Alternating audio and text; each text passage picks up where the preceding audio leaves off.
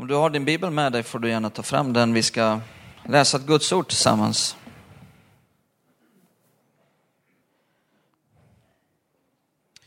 Ifrån Ordspråksboken, det 29 kapitlet.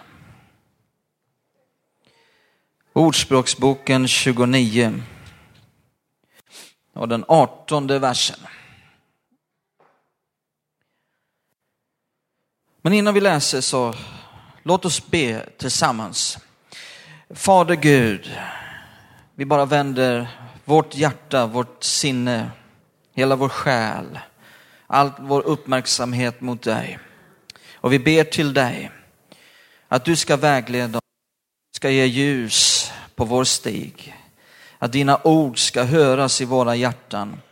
Att vi ska få upplevelsen av att det det är inte en människa som talar. Vi har inte kommit för att höra någon människas ord. Vi vill höra dina ord. Vi vill höra dig tala.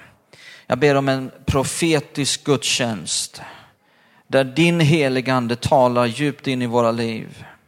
Förvandlar våra liv till att bli ännu mer lika Jesus. Tack Fader, vi underordnar oss dig. Vi vill att du ska bygga huset. Vi vill att du Jesus ska bygga församlingen. Åh, vi tackar dig, vi vill ge dig ära för allt. Tack för dina ord idag. Vi öppnar våra hjärtan i Jesu namn. Amen. Nu står det så här då i Ordspråksboken 29 och vers 18. Utan uppenbarelsen går folket vilse. Lycklig är den som tar vara på Guds undervisning. Här står det i den här översättningen, utan uppenbarelsen går folket vilse. Eh, det här måste vara något väldigt viktigt.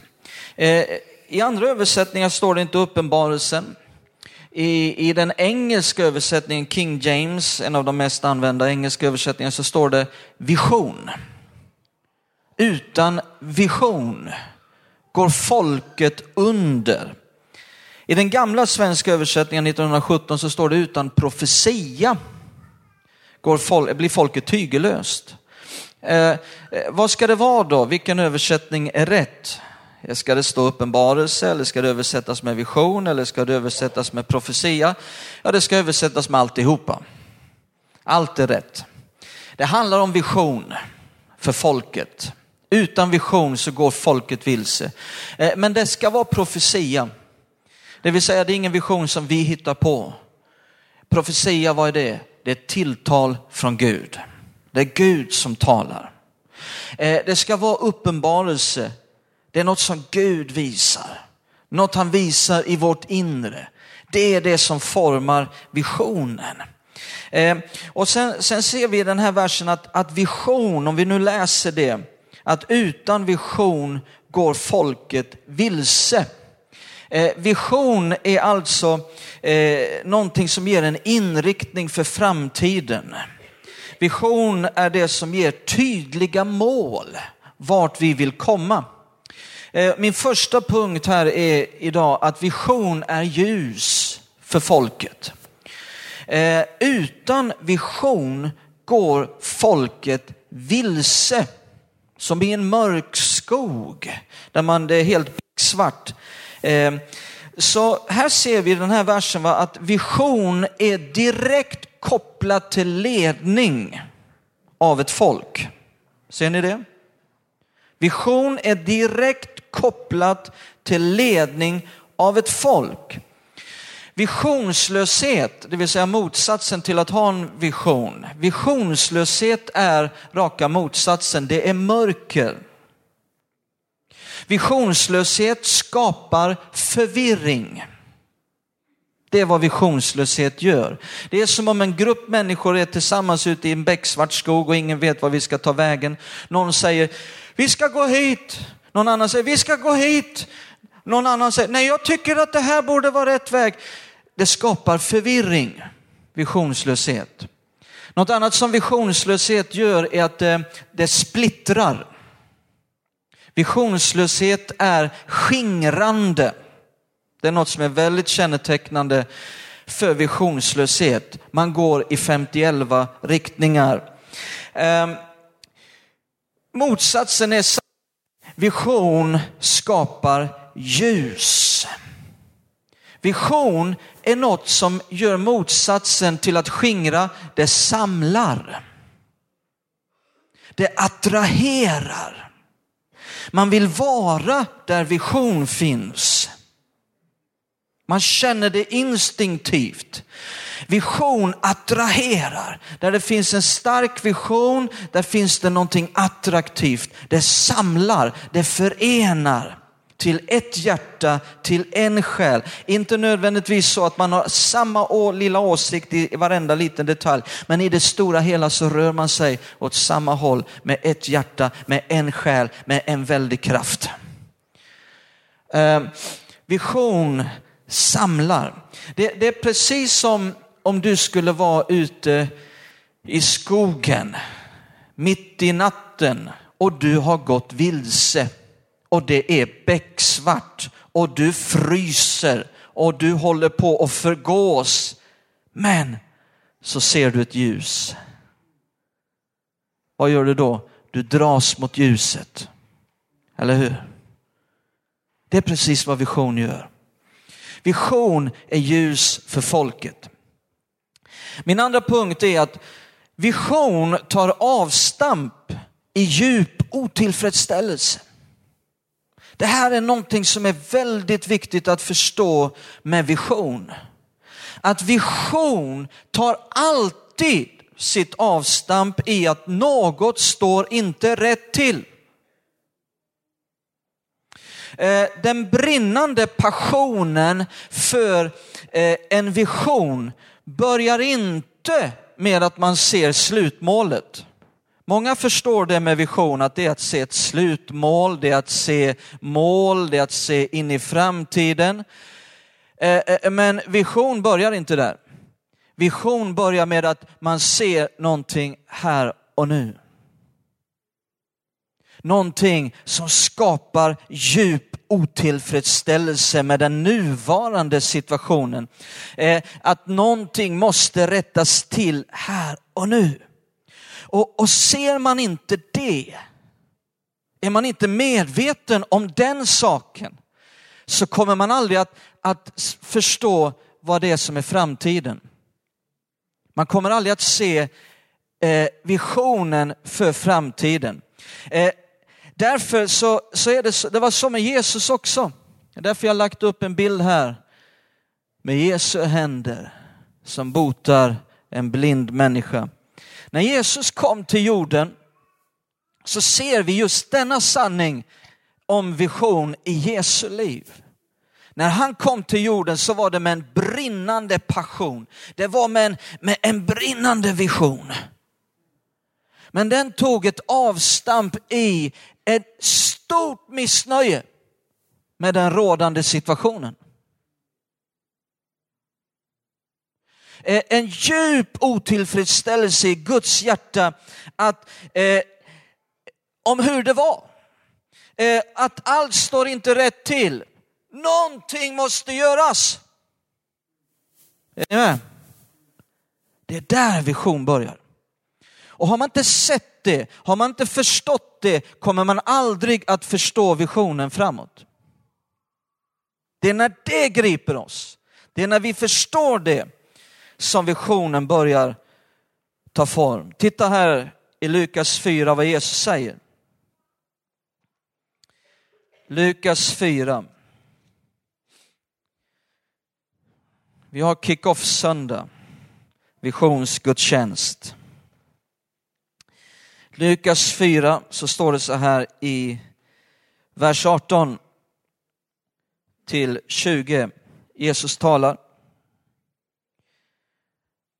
Och så säger Jesus så här. Herrens ande är över mig. Så han har smort mig till att predika glädjens budskap för de fattiga. Han har sänt mig. Varför då? Jo, för att ropa ut frihet för de fångna och syn för de blinda, för att ge de betryckta frihet och predika ett nådens år från Herren. Sedan rullade han ihop bokrullen, räckte den till tjänaren och satte sig. Alla i synagogan hade sina ögon fästa på honom, snacka om visionsgudstjänst. I synagogan i Nasaret, Jesus förklarar sin vision. Eh, vad var det Jesus var missnöjd med? Vad var det för djup otillfredsställelse som drev honom? Jo, han levde sig in i den fattiges situation. Han levde sig in i den betrycktes tillvaro. Han hade levt sig in i den sjukes situation. Han hade levt sig in i den som var nedtyngd av synd. Han kände med de som led och tänkte att den fattige ska inte behöva vara fattig något mer. Den betryckte ska inte behöva vara betryckt något mer. Den eh, bundne bunne ska inte behöva vara bunden något mer. Den sjuke ska inte behöva vara sjuk något mer. Den som är nedtyngd av synd ska få nåd. Ser ni hur han tar avstamp i ett missnöje? i en djup otillfredsställelse och det skapar visionen framåt eh, om vad som måste göras. Jesus kom för att sprida ett visionsljus för folket. Det handlar om folket. Ett hopp ville han sprida om en annan tillvaro. Och tiotusentals människor, de såg detta visionsljus. Eh, de eh, drogs till detta ljus. De trodde budskapet och de fick en vision i sina liv om ett förvandlat liv. Och det var ju så här med när Jesus var här att, att detta visionsljus som han spred, det spreds långt före honom. Det spreds i hela landet. Så att när Jesus kom till en plats så hade detta visionsljus redan gått före honom. Jag har inte det i mina anteckningar men, men jag måste bara läsa det här bibelstället i, i Markus 10. Jag skrev i min anteckning att jag vill, jag vill säga någonting om Bartimeus men, men jag vill också läsa bibelstället i Markus 10 om, om eh, Bartimeus. Titta här ska ni få se just detta i den blinde Bartimeus liv. Åh, jag älskar blinde Bartimeus. Och det finns vissa människor i Bibeln som jag har en förkärlek till. Den här Bartimeus. Han rör alltid mitt liv. Jag blir alltid gripen när jag tänker på honom. Titta vad det står här i Markus 10, vers 46.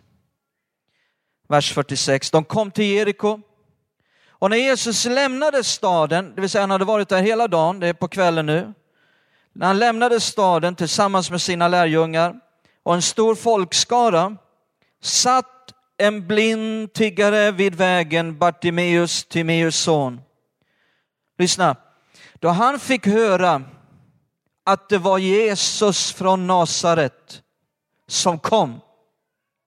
Lyssna på de orden, när han fick höra när han fick höra att det var Jesus från Nasaret som kom började han ropa. Han ropade för full hals. Jesus, Davids son, förbarma dig över mig. Många sa till honom strängt att han skulle tiga. Men han ropade ännu högre. Davids son, förbarma dig över mig. Bara tänk dig in i blinde Bartimeus situation. Han var helt blind. Var helt becksvart. Han kanske hade varit blind ända sedan födseln, vi vet inte, men han hade varit blind säkert under lång, lång tid. Och han visste, där han satt, att det finns ingen chans till en ändring i mitt liv. Jag kommer vara en tiggare resten av mitt liv. Så länge jag lever och andas så kommer jag inte att kunna jobba som alla andra. Jag kommer inte att kunna tjäna pengar som alla andra. Jag kommer inte att kunna ha en familj som alla andra. Jag kommer inte att kunna se barn som alla andra. Utan varje dag så kanske han blev hjälpt av släktingar och vänner utanför stadsporten till Jeriko. Och där satt han från tidig morgon till sena kvällen med en uträckt hand, med en uträckt skål och hoppades att någon skulle lägga ett litet mynt så att han skulle kunna köpa bröd, så att han skulle kunna överleva. Där satt han i, i dammet. Där satt han när vagnar och hästar och annat red förbi och folk trampade upp. Han var smutsig varje kväll han kom hem. Där satt blinde Bartimeus varje dag. En dag som alla andra så hörde han några som pratade bredvid honom om att det finns en i landet, en Jesus från Nasaret som säger att han är Messias, den som vi har väntat på. Och de pratade, han hörde det på lite avstånd att han spände upp sina öron och tänkte, kan det vara sant? Kan det vara så att Messias har kommit? Han hörde att de berättade att, att han har botat alla sjuka uppe i Kapernaum. Och att blinda har fått sin syn. Han hörde detta, han satt och lyssnade. En annan dag så var det likadant, det var några andra som sa samma sak. Han började höra det här. Och en dag när de kom för att hämta honom en kväll, hans släktingar, så, så frågade han släktingarna, eh, jag har hört här att det är människor som pratar om att de tror att Messias har kommit. Och de sa, ja, sa en, eh, jag var i Jerusalem. Och den där Jesus från Nasaret var där och han talade. Och ingen, ingen är som han. Och det är riktigt, alla sjuka blev botade och det till och med ryktas om att någon död har uppstått. Vi tror att han är Messias. Han hörde mer och mer och mer, gång på gång så hade han hört om Jesus. Och ett hopp började tändas, en vision om en förvandlat liv. Detta visionsljus gick före Jesus. Till slut så började det komma en stark tro i hans hjärta som sa att om den är Jesus, en dag går förbi här där jag sitter, då är det min chans i livet. Jag kommer bara ha en chans till ett förvandlat liv. Och det är om den är Jesus går förbi här där jag sitter. Då ska jag inte missa den chansen. En dag som alla andra. Blinde Bartimeus hade suttit där från tidig morgon. Han var trött. De skulle snart komma och hämta honom. Då hör han att det är lite tumult i Jeriko den där dagen. Han förstår att det är något speciellt på gång. Så han, han sitter där och så rycker han tag i någon och frågar, vad är det som händer i Jeriko idag? Ja, säger den där som var bredvid, det är den där Jesus från Nasaret. Han har varit här hela dagen idag och han är på väg härifrån. Jesus! Davids son, armen över mig!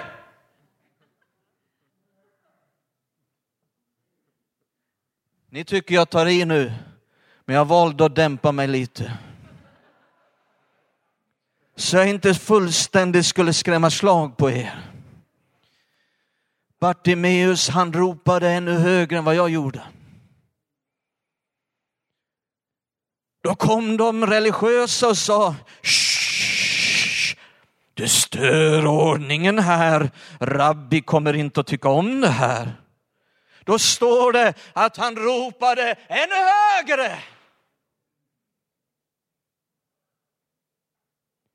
Han brydde sig inte. Det här var hans chans i livet. Han skrek för full hals. Jesus, Davids son, förbarmade över mig. Då stannade Jesus. Nu hörde Jesus någonting som han gillar. Något han tycker om. Det fanns en ton som Jesus älskade. Någon som hade kopplat med det visionsljus som Jesus ville sprida i hela landet om förvandlade liv. Titta vad det står. I vers 49. Jesus stannade och sa kalla hit honom. Man gjorde det och sa till den blinde, var vid gott mod, stig upp, han kallar på dig. Mannen kastade av sig manteln. Vad gjorde han? Han kastade av sig manteln. Vet du vad det var för mantel? Det var en tiggarmantel. Han visste, jag behöver inte den här någon mer. Jag ska till Jesus. Han kallar mig till sig. Det här är min sista dag som tiggare. Jag kommer få min syn. Jag kommer kunna jobba som alla andra. Jag kommer kunna ha en familj som alla andra. Jag kommer kunna se barn som alla andra. Jag behöver inte den här tiggarmanteln. Ser ni hans tro? Och då står det sen. Eh, mannen kastade av sig manteln, sprang upp och kom fram till Jesus och Jesus frågade honom, vad vill du att jag ska göra för dig? Vilken tjänarattityd. Hade Bartimeus sagt tvätta mina fötter, då hade Jesus gjort det. För i kapitlet innan hade han korrigerat lärjungarna som alla ville vara störst och Jesus sa, jag har inte kommit för att bli tjänad, jag har kommit för att tjäna. På grekiska står det för att vara alla slav. Det hade Jesus precis sagt. Och nu var han där för att tjäna Bartimeus. Vad vill du att jag ska göra för dig? Åh, oh, jag älskar Jesus. Den blinde sa, Rabuni, gör så att jag kan se igen. Jesus sa, gå, din tro har frälst dig. Och genast fick han sin syn och följde Jesus på vägen. Bartimeus fick sitt liv förvandlat. Och Jesu vision har inte förändrats. Det är fortfarande idag förvandlade liv. Eh, och när vi talar om vision så måste också vår vision idag ta ett avstamp i att något står inte rätt till. Eh, en otillfredsställelse med den rådande situationen. Vi måste på samma sätt som Jesus eh, leva oss in i människors liv i vår tid. Nutidsmänniskan i Skövde 2013. Vem är hon? Vem är han? Vad går han igenom? Vad känner han? Var är de? Vad upplever de? Och därefter måste vi drivas av en passion som säger att vi måste ändra på allt som behöver ändras så att vi når denna människa med en vision om ett förvandlat liv. Ett ljus, ett hopp om ett, en annan tillvaro. Ett liv med glädje och frid istället för sorg och depression. Ett liv med frihet och trygghet istället för bundenhet och rädsla. Ett liv med förlåtelse och rening istället för skam och ångest över ett felaktigt liv. Ett liv med evigt liv och ljus istället för mörker och död. Där måste vi ta vårt avstamp i samma otillfredsställelse som Jesus hade. Det finns också en annan känsla av, av otillfredsställelse, av djup otillfredsställelse som formar vår vision med den kyrka vi vill se växa fram. Och det är när man ser eh, statistiken att under de första tio åren av 2000-talet så lades det ner 552 frikyrkor i vårt land. Det är en per vecka. En varje vecka läggs det ner en frikyrka i vårt land. Den eh, kyrka som jag blev frälst i, den pingstkyrka jag blev frälst i slutet på 80-talet i Hällefors, den finns inte mer. Den är borta. Det är ingen självklarhet bara för att man är en pingstkyrka att man finns om 10 år. Om 20 år. Om 30 år. Vill vi bygga en kyrka för morgondagens generation? Vi kan inte vara nöjda med denna situation. Vi kan inte bara stå och apatiskt se på. En anledning till att, man, att vi ser denna trend och denna statistik, eh, det finns flera anledningar till detta. Låt mig nämna ett par stycken. En anledning är ju att man i stor utsträckning inte når nya människor. Och den stora anledningen är att man inte kommunicerar med nutidsmänniskan på ett relevant sätt. Det är en jättestor anledning. En annan stor anledning är att man tappar generationen mellan 20 till 30 år, den ålderskategorin 20 till 30 år. Många pingstkyrkor under de senaste 20 åren har haft stora ungdomsgrupper på sina håll. Det kan vara jättestora ungdomsgrupper. Men när man sen blir 20, man ska ta klivet upp i den vuxna kyrkan, så kan man inte relatera till denna vuxna kyrka. Den känns allt för främmande och konstig.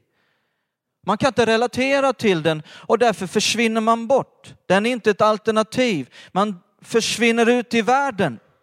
Det här är ett jättestort problem. Och som jag sa, det är inte förrän man ser den rådande situationen som man kan få vision för framtiden. Man måste bli djupt otillfredsställd någonstans. Ehm, det här är en stor anledning. Och tappar man denna ålderskategori, 20 till 30 år, eh, då är det bara en tidsfråga innan den församlingen dör. Det kan ta 10 år, det kan ta 20 år, det kan ta 30 år, men det är bara en tidsfråga innan den kyrkan dör. Så detta är en stor anledning. Vi måste ta ett avstamp någonstans i en otillfredsställelse över en rådande situation. Det, begriper man det, ser man det, så kommer man att se en vision framåt. Det här är en osjälvisk otillfredsställelse. Det jag talar om nu är inte en självisk eh, otillfredsställelse. Jag får det inte som jag vill. Det är inte det det handlar om. Det var inte det det handlade om för Jesus. Den var helt osjälvisk. Och det måste man också identifiera i detta. Den sista punkten jag har är visionen är förvandlade liv. Innan vi flyttade till Skövde jag och Vicky med vår familj, eh, så mötte vi församlingens ledarskap och det var jättespännande. Och jag trivdes. Ehm, och vi blev intervjuade. Eddie Sandberg ledde intervjun. Ehm, och han frågade också då inte bara oss eh, saker utan han eh, vände sig också till ledarskapet och så frågade han alla i ledarskapet, vad förväntar ni er av en ny föreståndare? Och en sak som gavs uttryck för mer än något annat var att vända trenden. Vision, de två sakerna, att förmedla vision och att vända trenden. Man sa till mig och Vicky, det har gått bakåt under 20 år. Och jag kände, bra, jag kan koppla med detta ledarskap. Man vågar se situationen sådan den är och känna en djup otillfredsställelse.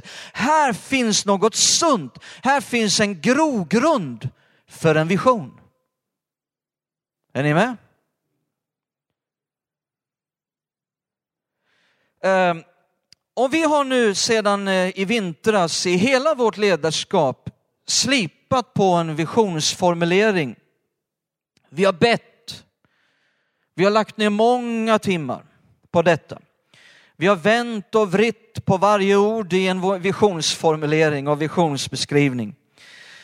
Och den här broschyren det är resultatet. Och den skulle vi vilja dela ut till alla här idag. Till samtliga. Eh, vi kommer att göra det senare. Vi använder också denna Eh, vi har haft den som arbetskopia under en tid, men nu känner vi att nu är det inte en arbetskopia längre. Sen kan man behöva arbeta på den efter ett år, ifall vi tror någonting helt annat. Nej, jag bara skojar med Det kommer vi inte att ändra. Men det kan vara vissa marginella eh, saker. Men i alla fall. Eh, så den här vill vi dela ut och den här eh, använder vi också regelbundet på våra träffar för nya medlemmar som eh, eh, grunden för de träffarna. Förut så hade vår församling en visionsformulering som var Jesus Kristus åt alla. Eh, och nu är det ju inte så att vi helt och hållet byter vision. Eller helt och hållet ändrar, nu, ska, nu är det något helt annat som vi ska hålla på med. Nej, det är inte det det handlar om. Utan det handlar helt enkelt bara om eh, hur visionen formuleras. Hur visionen beskrivs. Någonting som är viktigt med en visionsbeskrivning är att den får inte vara diffus. Vision måste vara tydlig. Den måste vara tydligt beskriven Eh, så att man vet när man har gjort visionen. Är du med? Man måste, kunna, man måste kunna identifiera så att man vet när visionen uppfylls och kunna säga nu uppfyllde vi visionen. Om man inte kan säga det tydligt och klart, då, då måste man göra det tydligare. Eh, man ska också kunna veta när man gör visionen. Det är väldigt viktigt att varje enskild människa kan veta, nu gör jag visionen.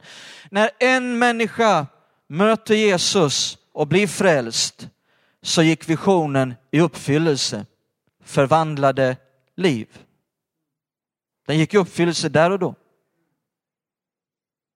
När någon eh, utvecklade en härlig vänskapsrelation med sin granne, med sin studiekamrat, med sin jobbarkompis, med någon annan.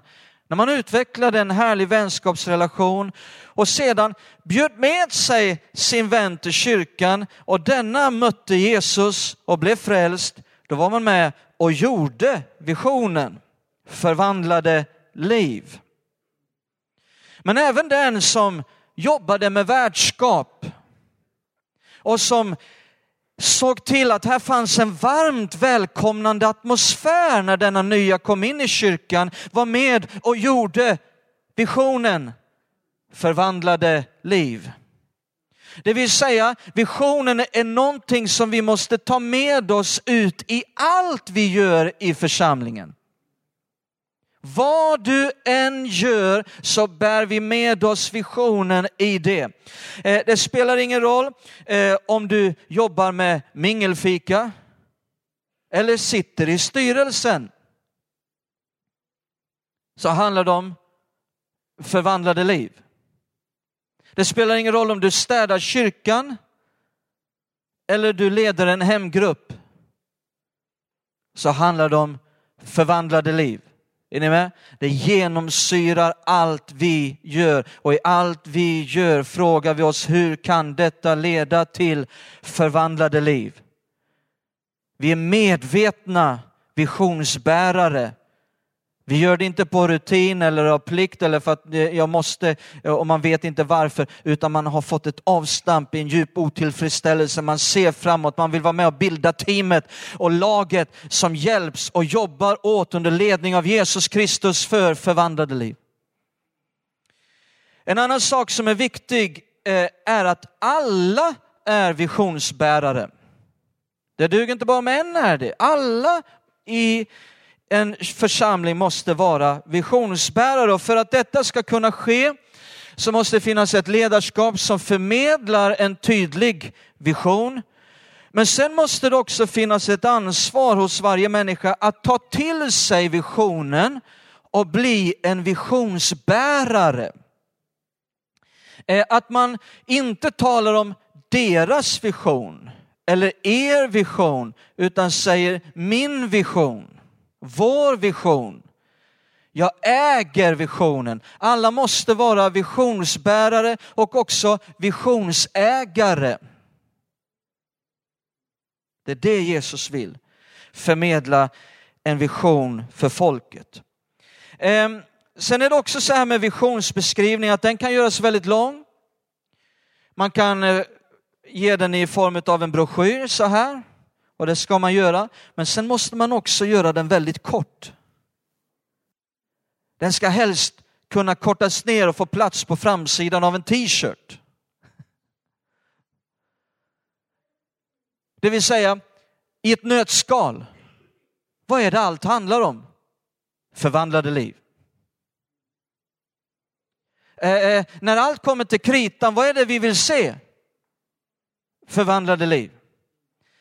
Eh, och, och till sist så blir man en ägare av visionen så mycket så att om man får frågan av vem som helst någonstans, vad är er vision i församlingen? Så ska man tveklöst kunna svara, förvandlade liv. Förvandlade liv, förvandlade liv. Ja men har ni liksom inget annat? Nej, förvandlade liv. Ja men tänker ni, förvandlade liv? Ja men är ni så fyrkantiga, förvandlade liv? Förvandlade liv.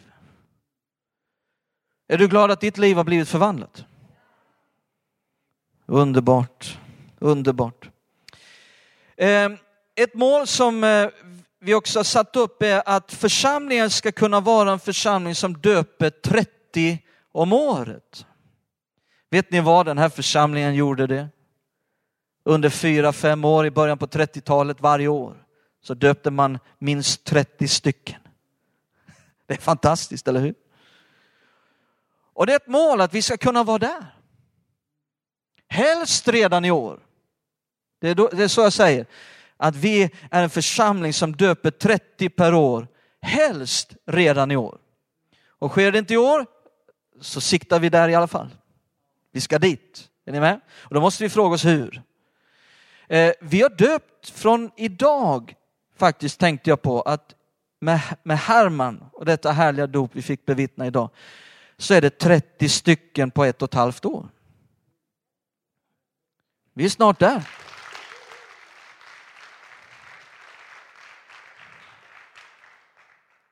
Tänk om vi kunde se 20 döpta i år, spränga den vallen och sen sikta mot 30. Eh, ja men kan inte Gud göra mer, säger någon. Absolut. Frågan är om vi kan vidga våra hjärtan och omfamna. Det är också viktigt med en vision att den inte är så absurd och extrem så ingen kan greppa om det. Utan man måste kunna greppa en bit i sänder. Så här. Det är så Gud leder. Skulle han visa långt in i framtiden så skulle vi väl flippa ur. Eh, liksom och tänka där, vi skulle bara göra som Abraham och Sara, skratta åt det. Utan han vill vidga våra hjärtan successivt. Det var det han gjorde också med Abraham. Okej, okay, nu ska jag fokusera.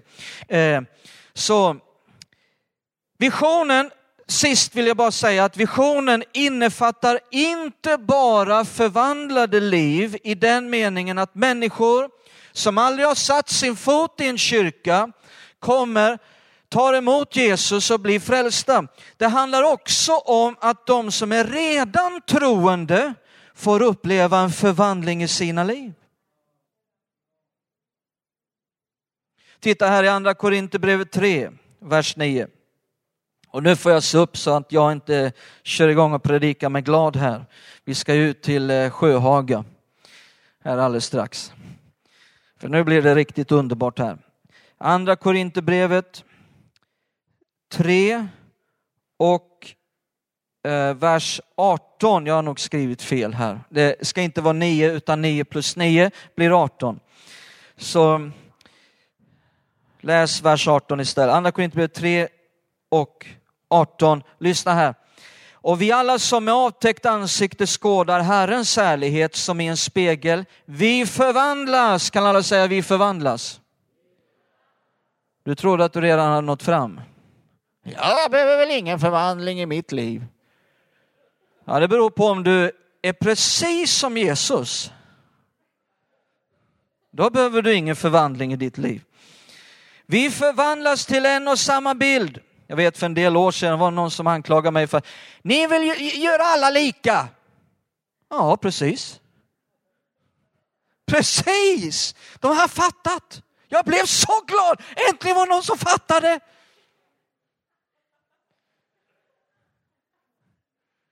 Vi vill göra alla lika Jesus.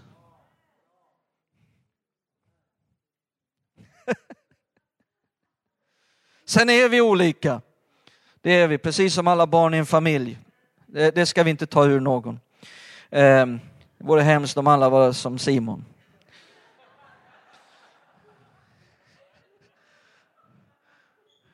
Jag höll på att säga Sven där, men jag ändrade mig. Vi förvandlas, titta nu, vi förvandlas till en och samma bild. Från härlighet till härlighet. Det sker genom Herren, anden. Vi förvandlas. Det står eh, från härlighet till härlighet. Så när du tänkte nu kan det inte bli mer underbart och blir det mer underbart i mitt kristna liv så blir det uppryckande så kan det bli mer, upp, eh, mer underbart. Från härlighet till härlighet, till härlighet förvandlas till att bli mer lik Jesus. Titta i Romarbrevet 12 och vers 2. Romarbrevet 12 och 2.